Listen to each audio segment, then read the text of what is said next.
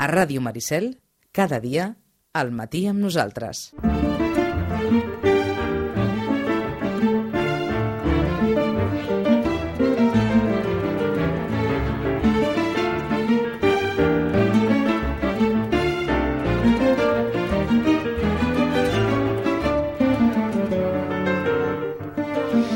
I 21 minuts. Quants avis marxarien de la residència? Vagin a saber. És la pregunta que gairebé més d'un i més de dos es deuen haver fet després de llegir l'avi de 100 anys que es va escapar per la finestra, etc etc. Uh, el llibre, aquesta ficció, aquesta ficció divertida de Jonah Jonasson que ha aconseguit ser el llibre més venut uh, a Sant Jordi, per davant del llibre més venut de creació estrictament catalana, el llibre, en aquest cas, de Rafael Nadal, que ha aconseguit, quan eren feliços, eh, que ha aconseguit situar-se en segona posició. Bé, anem a fer una mica de balanç de Sant Jordi, amb qui millor ens el pot fer a hores d'ara, i fa dies que també ho podia fer, que no és altre que Rosana Lluc. Rosana, bon dia i bona hora. Hola, molt bon dia. Mm, per què l'avi de 100 anys que es va escapar, bla, bla, bla, ha estat el llibre més venut de Sant Jordi? Uh, suposo perquè ja saps els temps que estem passant, que tothom parla d'una sola cosa, llavors uh, una novel·la divertida, una novel·la en que, no, en que trobes un avi, no?, que t'explica tot el que ha passat, per tant ha passat un munt d'aventures, són 100 anys, són, són molts anys per passar moltes aventures, ha passat un, un temps convuls, però les seves incursions a Espanya, a qualsevol país, ha sigut també bastant rocambolesc, tot plegat, no? I volem una cosa divertida. I això ha estat el que suposo que ha mogut a la gent a dir, eh, aquest llibre. D'acord. Perquè no hi era l'autor, no, no, o sigui... O sigui, ens volem divertir una mica. Sí, O que la lectura serveixi per evadir-se en el sentit més, eh, més enriquidor del terme i sense cap mena eh, de pretensió, que no sigui passar una bona estona tal com estan les coses. sí, exacte. Fixa que mm, més o menys en castellà va passar... Tres quarts del mateix. Exacte. Eh? Vull dir Sí, que sí. quin llibre, doncs, el Mendoza. Per què? Doncs pel mateix, perquè era una obra divertida, una obra desenfrenada, en el que es presentava aquell detectiu, no? Doncs eh, mm, rocambolesc tot, tot, tot plegat, no? Vull dir, Mhm. aquesta Barcelona eh, invadida per restaurants xinesos, en, eh, gent de lumpen, no? Gent així... Doncs això és el que volíem, una obra divertida. Eh, és interessant perquè gairebé podríem fer una visió sociològica d'aquest Sant Jordi, eh?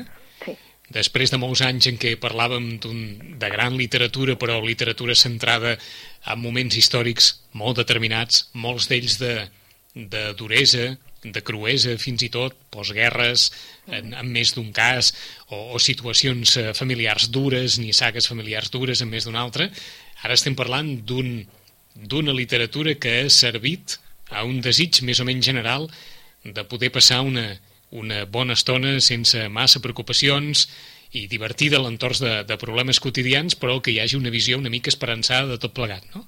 Sí, la veritat és que Mhm. sí. No? Doncs és allò, doncs, llegir amb un somriure, no? És el que ens ha Vaja. passat. Llegir amb un somriure. Vaja. No? Una mica molt... Eh, les situacions són tan inversemblants que no, no et poden passar, per la qual cosa no està parlant ni d'una cosa que passi en aquell moment ni, ni, res, ni res semblant, Mhm. no? En definitiva, home, potser el, el Mendoza sí perquè se situa en la Barcelona d'ara, però, però no, és, és una visió com a, com a molt divertida del, de, del tema. I llavors, Mm. clar, fa que, que tu estiguis no? com a molt, divert, molt somrient, amb un Mhm. altre aspecte, no?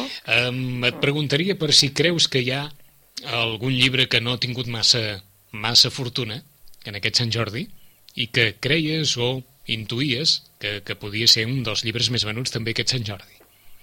No n'hi ha hagut gaires. Jo, jo mm, tret d'aquests eh, aquests que sembla que hagin estat els més més venuts, Sí? en definitiva, una mica si ens hi fixem, clar, és que a la llista només surten els més, més venuts, eh?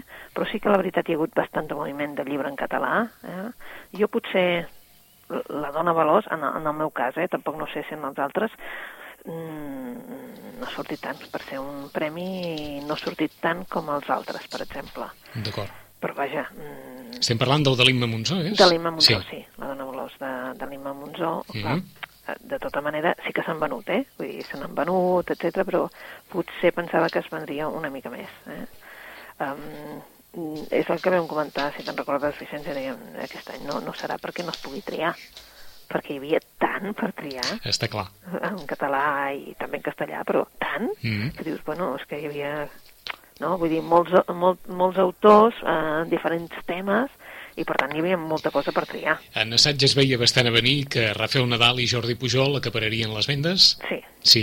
jo, jo, jo crec que sí, perquè el Rafael Nadal estava acaparant ja mm, ventes, també és una persona no, que, que el sortir en mitjans de comunicació, també fa que la gent també vegi la, no? Uh -huh. que el vegi amb ell, eh? D'acord, tot i que et anava a preguntar eh, el que ja ens vas dir en el seu dia, eh? No saps que si estàs a cavall entre l'assaig i la novel·la en aquest quan eren feliços. Jo, veig un assaig, allò... mm, està escrit com una novel·la, amb la Mhm. qual cosa eh, tu te la llegeixes més com una novel·la que no pas com una com un retrat biogràfic. T'ho preguntava del- perquè aquí, aquí ens el classifiquen en la mateixa categoria, Mm. però és evident que el quan eren feliços i el tercer volum de les memòries de Jordi Pujol no tenen No, res, a res veure, a veure. eh, estilísticament ni formalment, eh? No, res a veure. Mhm. formalment. Ja no parlem de, Res, del tema i del contingut, està clar, però des del punt de vista de la lectura, res a veure Res a veure. un i altre. Eh? Jo crec que res a veure. Vull dir, quan tu llegeix quan eren feliços, tu tornes en aquella època en què tots són feliços, que és la infantesa, no? Vull dir que tornes allà i tornes, sobretot aquells anys 50, mitjans dels 50, que és quan ell neix, no?, i ens explica, doncs, aquella, Barcelona, aquella Girona, que podia ser una mica grisa, sí, però clar, que tu com a nen mm, vull dir, no? Vull dir, ara tu Mhm. mires i dius, carai, no? Teníem una pilota, teníem un no sé què, però esclar, la teníem, eh? Però teníem una, eh? No? I esclar, tu la veus una mica ara, però en aquell moment, vull dir, ets feliç, no? I és una mica, és, és molt diferent d'unes memòries que, que està, es parlen de país, no? Molt diferent. Molt. Aquests són alguns dels llibres més venuts en, en aquest Sant Jordi. Hi ha també el, el llibre de Ferran Adrià, del menjar de la família, tant en català com en castellà, en assaig ha estat un llibre molt venut, mm. o en, en, en novel·la La dona veloç de l'Imma Monsons, comentava la Rosana fa un moment, en tercer lloc eh, ens el col·loca eh, la classificació de l'avantguàrdia després de Lluís Llach, que també intuïes que podria ser un dels Sí, llibres de Sant Jordi, no? Sí, jo, cre jo creia que sí, sobretot primer perquè, perquè era Lluís Llach, no? Uh, segona perquè també explicava una època, no?, que doncs, doncs una Barcelona de preguerra, diguem-ne, i després de Guerra Civil, una, una història entranyable, una història sensible, i això feia que també doncs, hi hagués un públic que digués, doncs jo vull llegir això, no? Uh -huh. Jo crec que sí. Doncs I, com... i, i, I suposo que potser la sorpresa, sorpresa, és eh, que jo pensava que es vendria, però no tant, el Jo Confesso. Vaja. El Jo Confesso del Jaume Cabré, mm, jo creia que es vendria, eh? perquè era allò, aquella Mhm. ocasió de dir-te, ara, com que no me l'han regalat per Reis i això, doncs ara me'l regalo, no? Uh, però, esclar, és que just, just uh, el dia abans o dos dies abans li van donar el premi, eh? Premi de la crítica, i per tant, jo suposo que tot va acompanyar una mica, no? Mm. el fet de que també el tornessin a entrevistar i tot això, i que la gent pensés, doncs ara és el moment de comprar-me'l. D'acord. Tot i que no sé si pensar en l'argument inicial que ens has donat, eh? que aquest era un Sant Jordi que demanava, per sobre de qualsevol altra cosa, una literatura per, per evadir-se una mica de, de la vida quotidiana. Sí, sí, jo, jo, jo crec que sí. Doncs sí. dona tota la sensació que, que aquest argument que ens has donat de, de bon principi és el que també ha reconat una miqueta el, el, el Jo Confesso Sí. o El presoner del cel o llibres, diguem-ne, que... Per exemple, Mm. aquest, jo crec que els editors pensaven que es vendria molt més que el que s'ha venut. S'ha venut, eh? Molt. Però no tant, que, clar, com altres Sant Jordi, eh? Llavors que tothom té aquesta sensació de que el Ruiz Zafón, un Sant Jordi arrasa, no? Ah, Doncs aquesta vegada no ha arrasat. Per què? D'acord. Pues perquè, doncs, potser, la gent, ja et dic, eh? Venien molt, molt, molt dirigits. uh -huh. L'avi, l'avi, l'avi. eh? Sí, sí. En català i en castellà, eh? Perquè Vull dir ha sigut allò de dir, bueno, mm, Déu-n'hi-do els avis, eh? L'Homes d'honor d'en Xavier Bosch També. També. Però, clar, ha quedat, saps? ha quedat di diluït, eh? Sí, bueno, és que és, eh, ja pensàvem que podia passar per una cosa, eh? per el que jo et deia, el Xavier Bosch, l'Empar Moliner, el Lluís Llach, eh, no? el, el Ruiz Zafón, en català, eh? també, el, el Jaume Cabré, l'Imma Monsó, Esclar, és que hi havia tants autors, tants autors així, doncs, diguem-ne, amb, amb obres sobre la taula, amb novetat, diguéssim, perquè havien sortit al febrer tot just, menys el Jo Confesso, el resta eren novetats de febrer. Sí. Mm, clar, deies, bueno, n'hi ha molts, eh? Llavors, clar, la cosa es reparteix, jo crec, eh? Mm. O sigui que, en aquest cas ha estat un, un Sant Jordi variat, eh? Sí, molt repartit, jo variat. crec, eh? Tret, tret, uh, Tret de l'avi. Tret de l'avi, tret de, tant en català com en castellà, tret del Mendoza, no? Mm. Jo crec que l'altre està més repartit, eh? Vull dir, s'ha venut de tot, però potser ha estat més repartit i suposo que també són... Ja, ja saps què passa amb els mitjans de comunicació, que allò que diuen l'últim dia també, Sí. umba, eh? Funciona pel, pel que sigui, eh? Primer això i segon que, que el dia de Sant Jordi a les 12 del migdia ja s'ha de poder dir Sí. que hi ha un llibre que és el, el més venut, no? Sí, això també és una cosa que jo cada vegada detesto més, eh? D'acord, et t'ho- bastant, eh? reconèixer perquè, clar, llavors sembla que aboquis la gent Uh -huh. a dir, aquest és, no, aquest és el més venut, però no, res més, només és el més venut, eh? Sí, sí. I també va passar, no, suposo que molts llibreters, d'acord que va passar, ens va passar a tots, que eh, un llibre que ningú pensava que es pogués vendre, que és el senyor, mm, senyor Revilla, expresident de Cantàbria, que, que ha fet un llibre que es diu Nadie és més que nadie, Sí. Revilla, mm, bueno, semblava que tothom el necessités, també. Doncs no apareix ni a la llista. No, no, és que no pot aparèixer, que no n'hi havia. Ah, d'acord. O sigui, saps? D'acord, és un d'acord. llibre que tothom demanava, però no no n'hi havia. És a dir, a veure, és un llibre que no s'esperava l'editorial tampoc que fos un... Uh, va sortir en un programa de televisió Ahà. uh, tres dies abans i, bueno, i aquell senyor, com que, bueno, quan li dona la vena divertida, es veu que és molt divertit, a mi m'ho han explicat, eh? D'acord, perquè va sortir, ara, ara, ara lligo caps, eh? Va sortir en un programa de Pablo Motos de- d'Antena 3. Doncs, uh, Vale. doncs no hi, Sí, sí, eh, va perquè- ser allò que... Va ser un cop, va ser un... un cop, eh? Perquè llavors és com si, si no hi és, és com si encara el necessitessis més, no?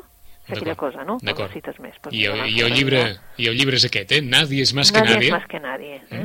I la veritat és que, esclar, tampoc ningú doncs, havia pensat que aquest pogués ser un llibre, la mateixa editorial, eh? no saben ni quin dia sortirà, esperen que surti la reedició aquest, aquesta setmana, però és d'aquells llibres que, clar, la reedició de, del, de l'enredo de La bolsa i la vida ha de sortir Sí. aquesta setmana, ¿vale?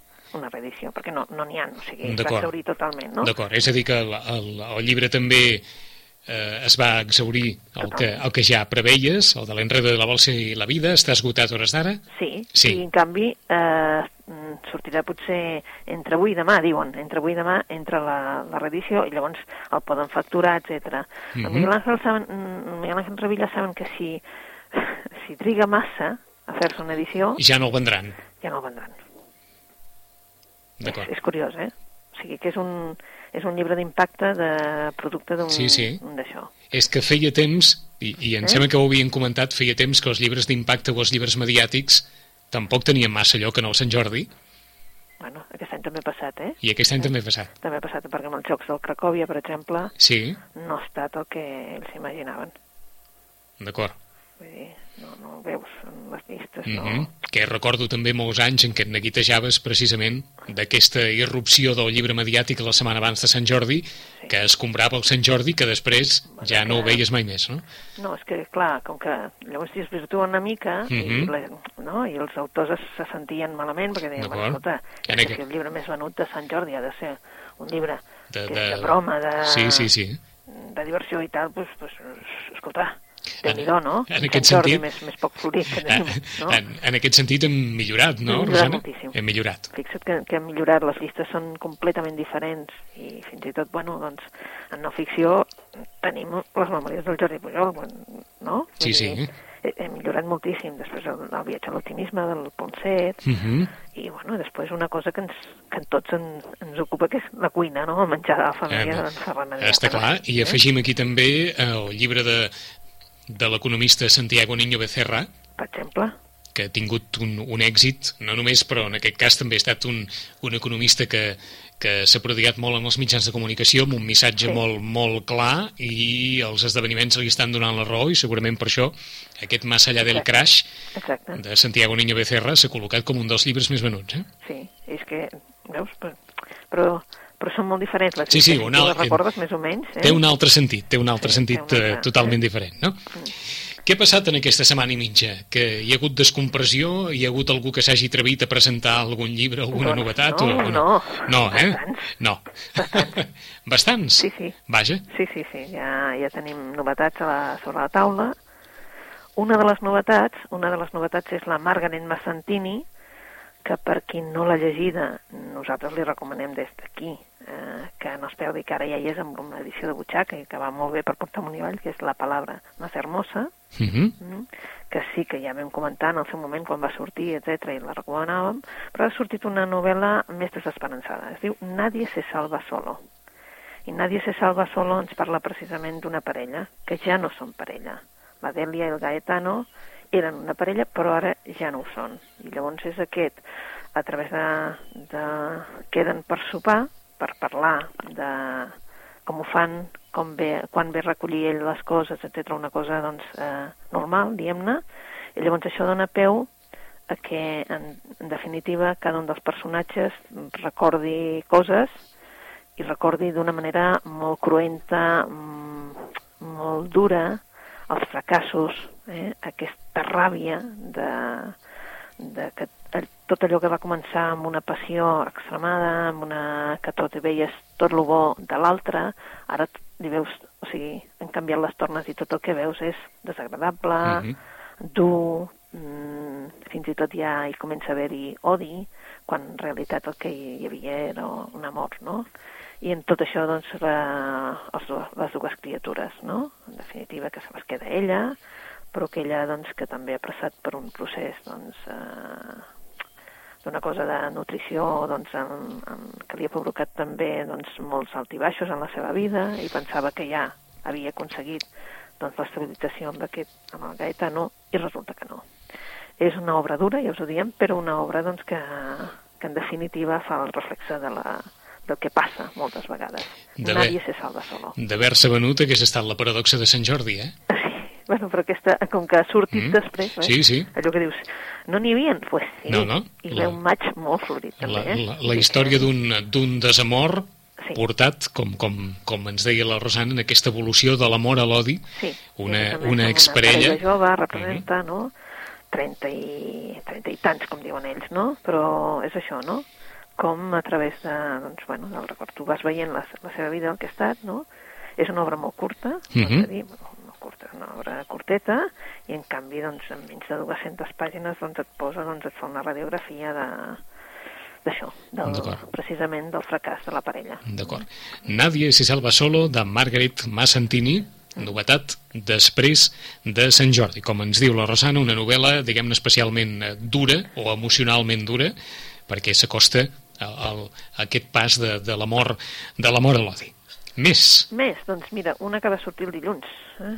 Almenys va arribar el dilluns, eh? la Camila Lackberg. La Camila Lackberg és l'autora d'una saga de novel·les que va començar amb la princesa de gel i va anar continuant i ara ja tenim la seva darrera novel·la que és eh, La sombra de la sirena.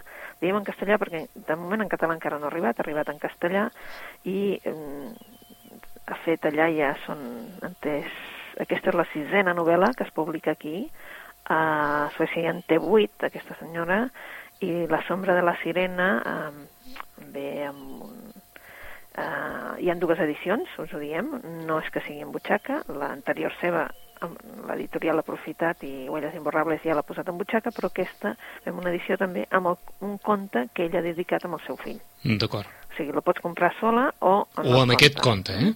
Uh -huh. Sí. Um, és un cas d'un bibliotecari, mm, un bibliotecari de... T'ho diré malament al poble perquè sempre surt, però Flvaca, eh? I és un bibliotecari que, el Tristan Teldo, que acaba de publicar la seva primera novel·la. Es diu La sombra de la sirena. Eh? Uh -huh.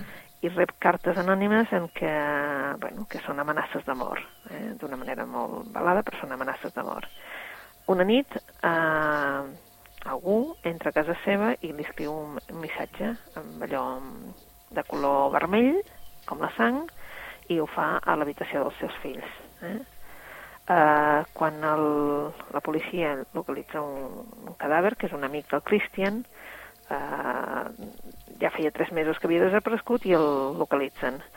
Mm, llavors comprenen, el Patrick Hedstrom, que és el, el protagonista de cada una de les novel·les, comprèn que l'assassinat i les cartes estan d'alguna manera relacionats. Eh?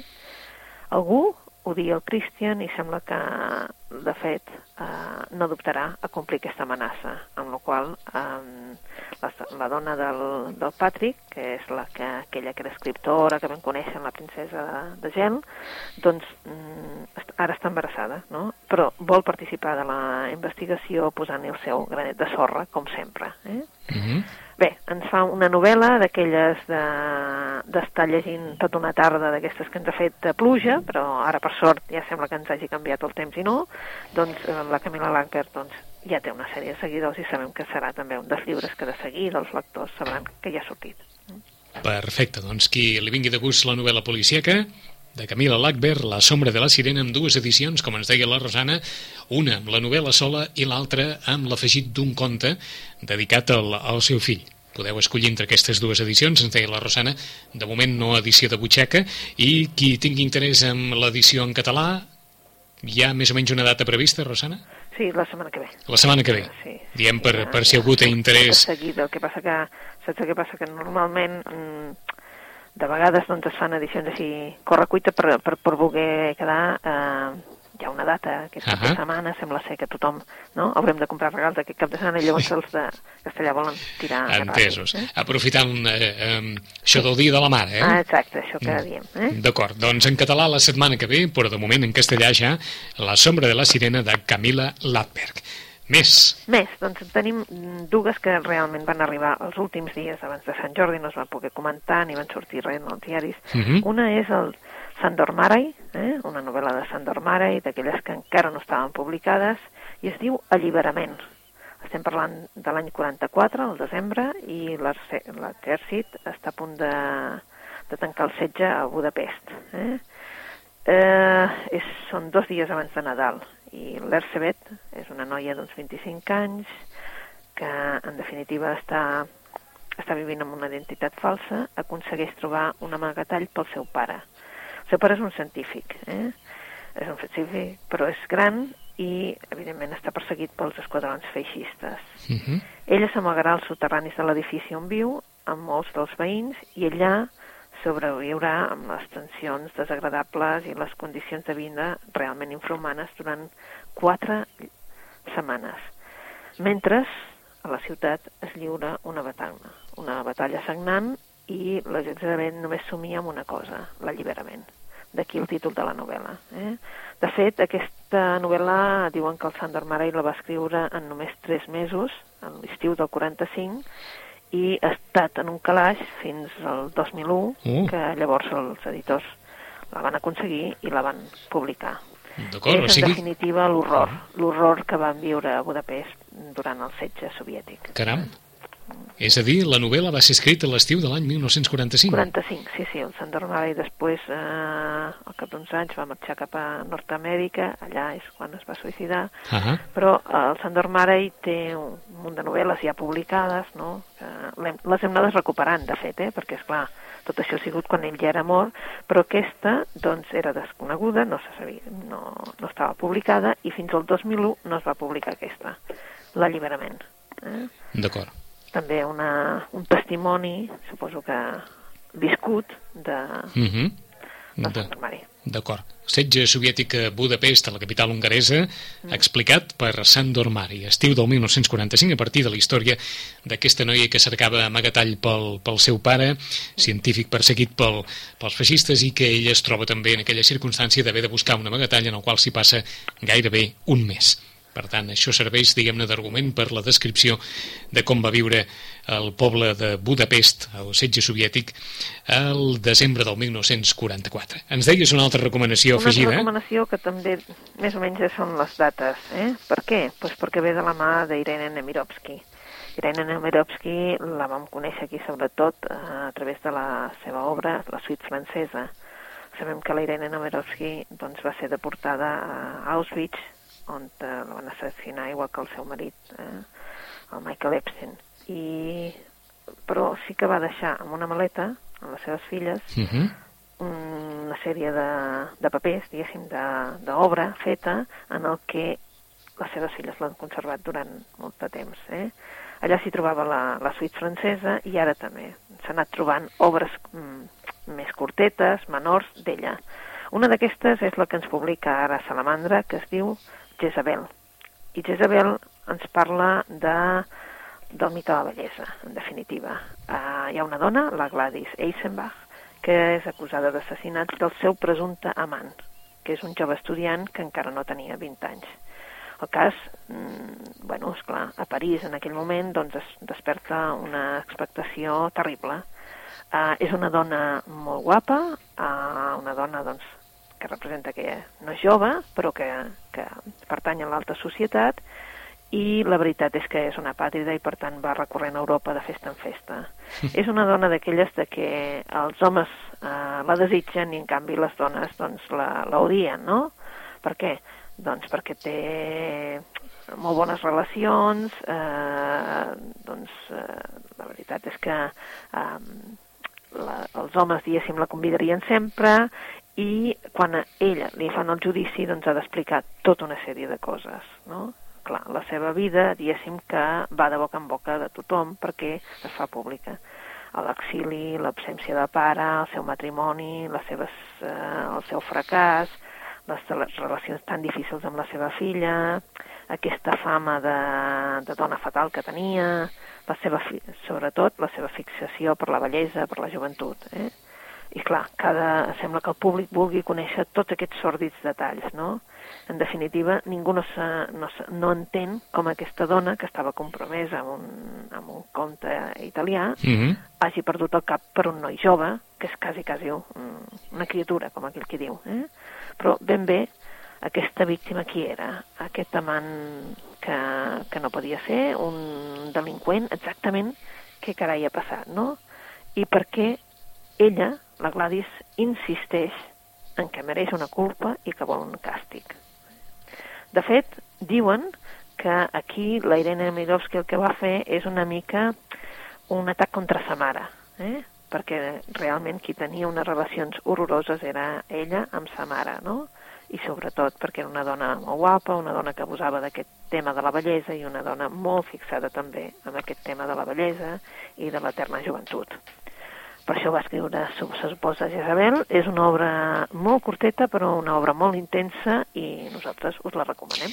Doncs anem a fer un repàs a aquests eh, volums intensos que avui ens ha deixat la Rosana, segurament perquè com que el llibre de Sant Jordi que és un llibre que crida l'optimisme, doncs aquí hem posat un contrapès d'aquells que qui s'hi vulgui, si vulgui afegir, qui vulgui participar en bona literatura, però d'aquelles que, que no deixin diferent. Per una banda, Nadie se salva solo, de Margaret Massantini, aquesta història dels records d'una parella que fou, exparella avui, que a través doncs, d'aquests doncs, moments tensos sempre de, de quedar-se les coses de cadascú, de repartir el que ha quedat, doncs hi ha una, bé, una, una explicació llarga i sentida de com es passa de l'amor a l'odi amb dues criatures pel mig. De Margaret Massantini, Nadie se salva solo.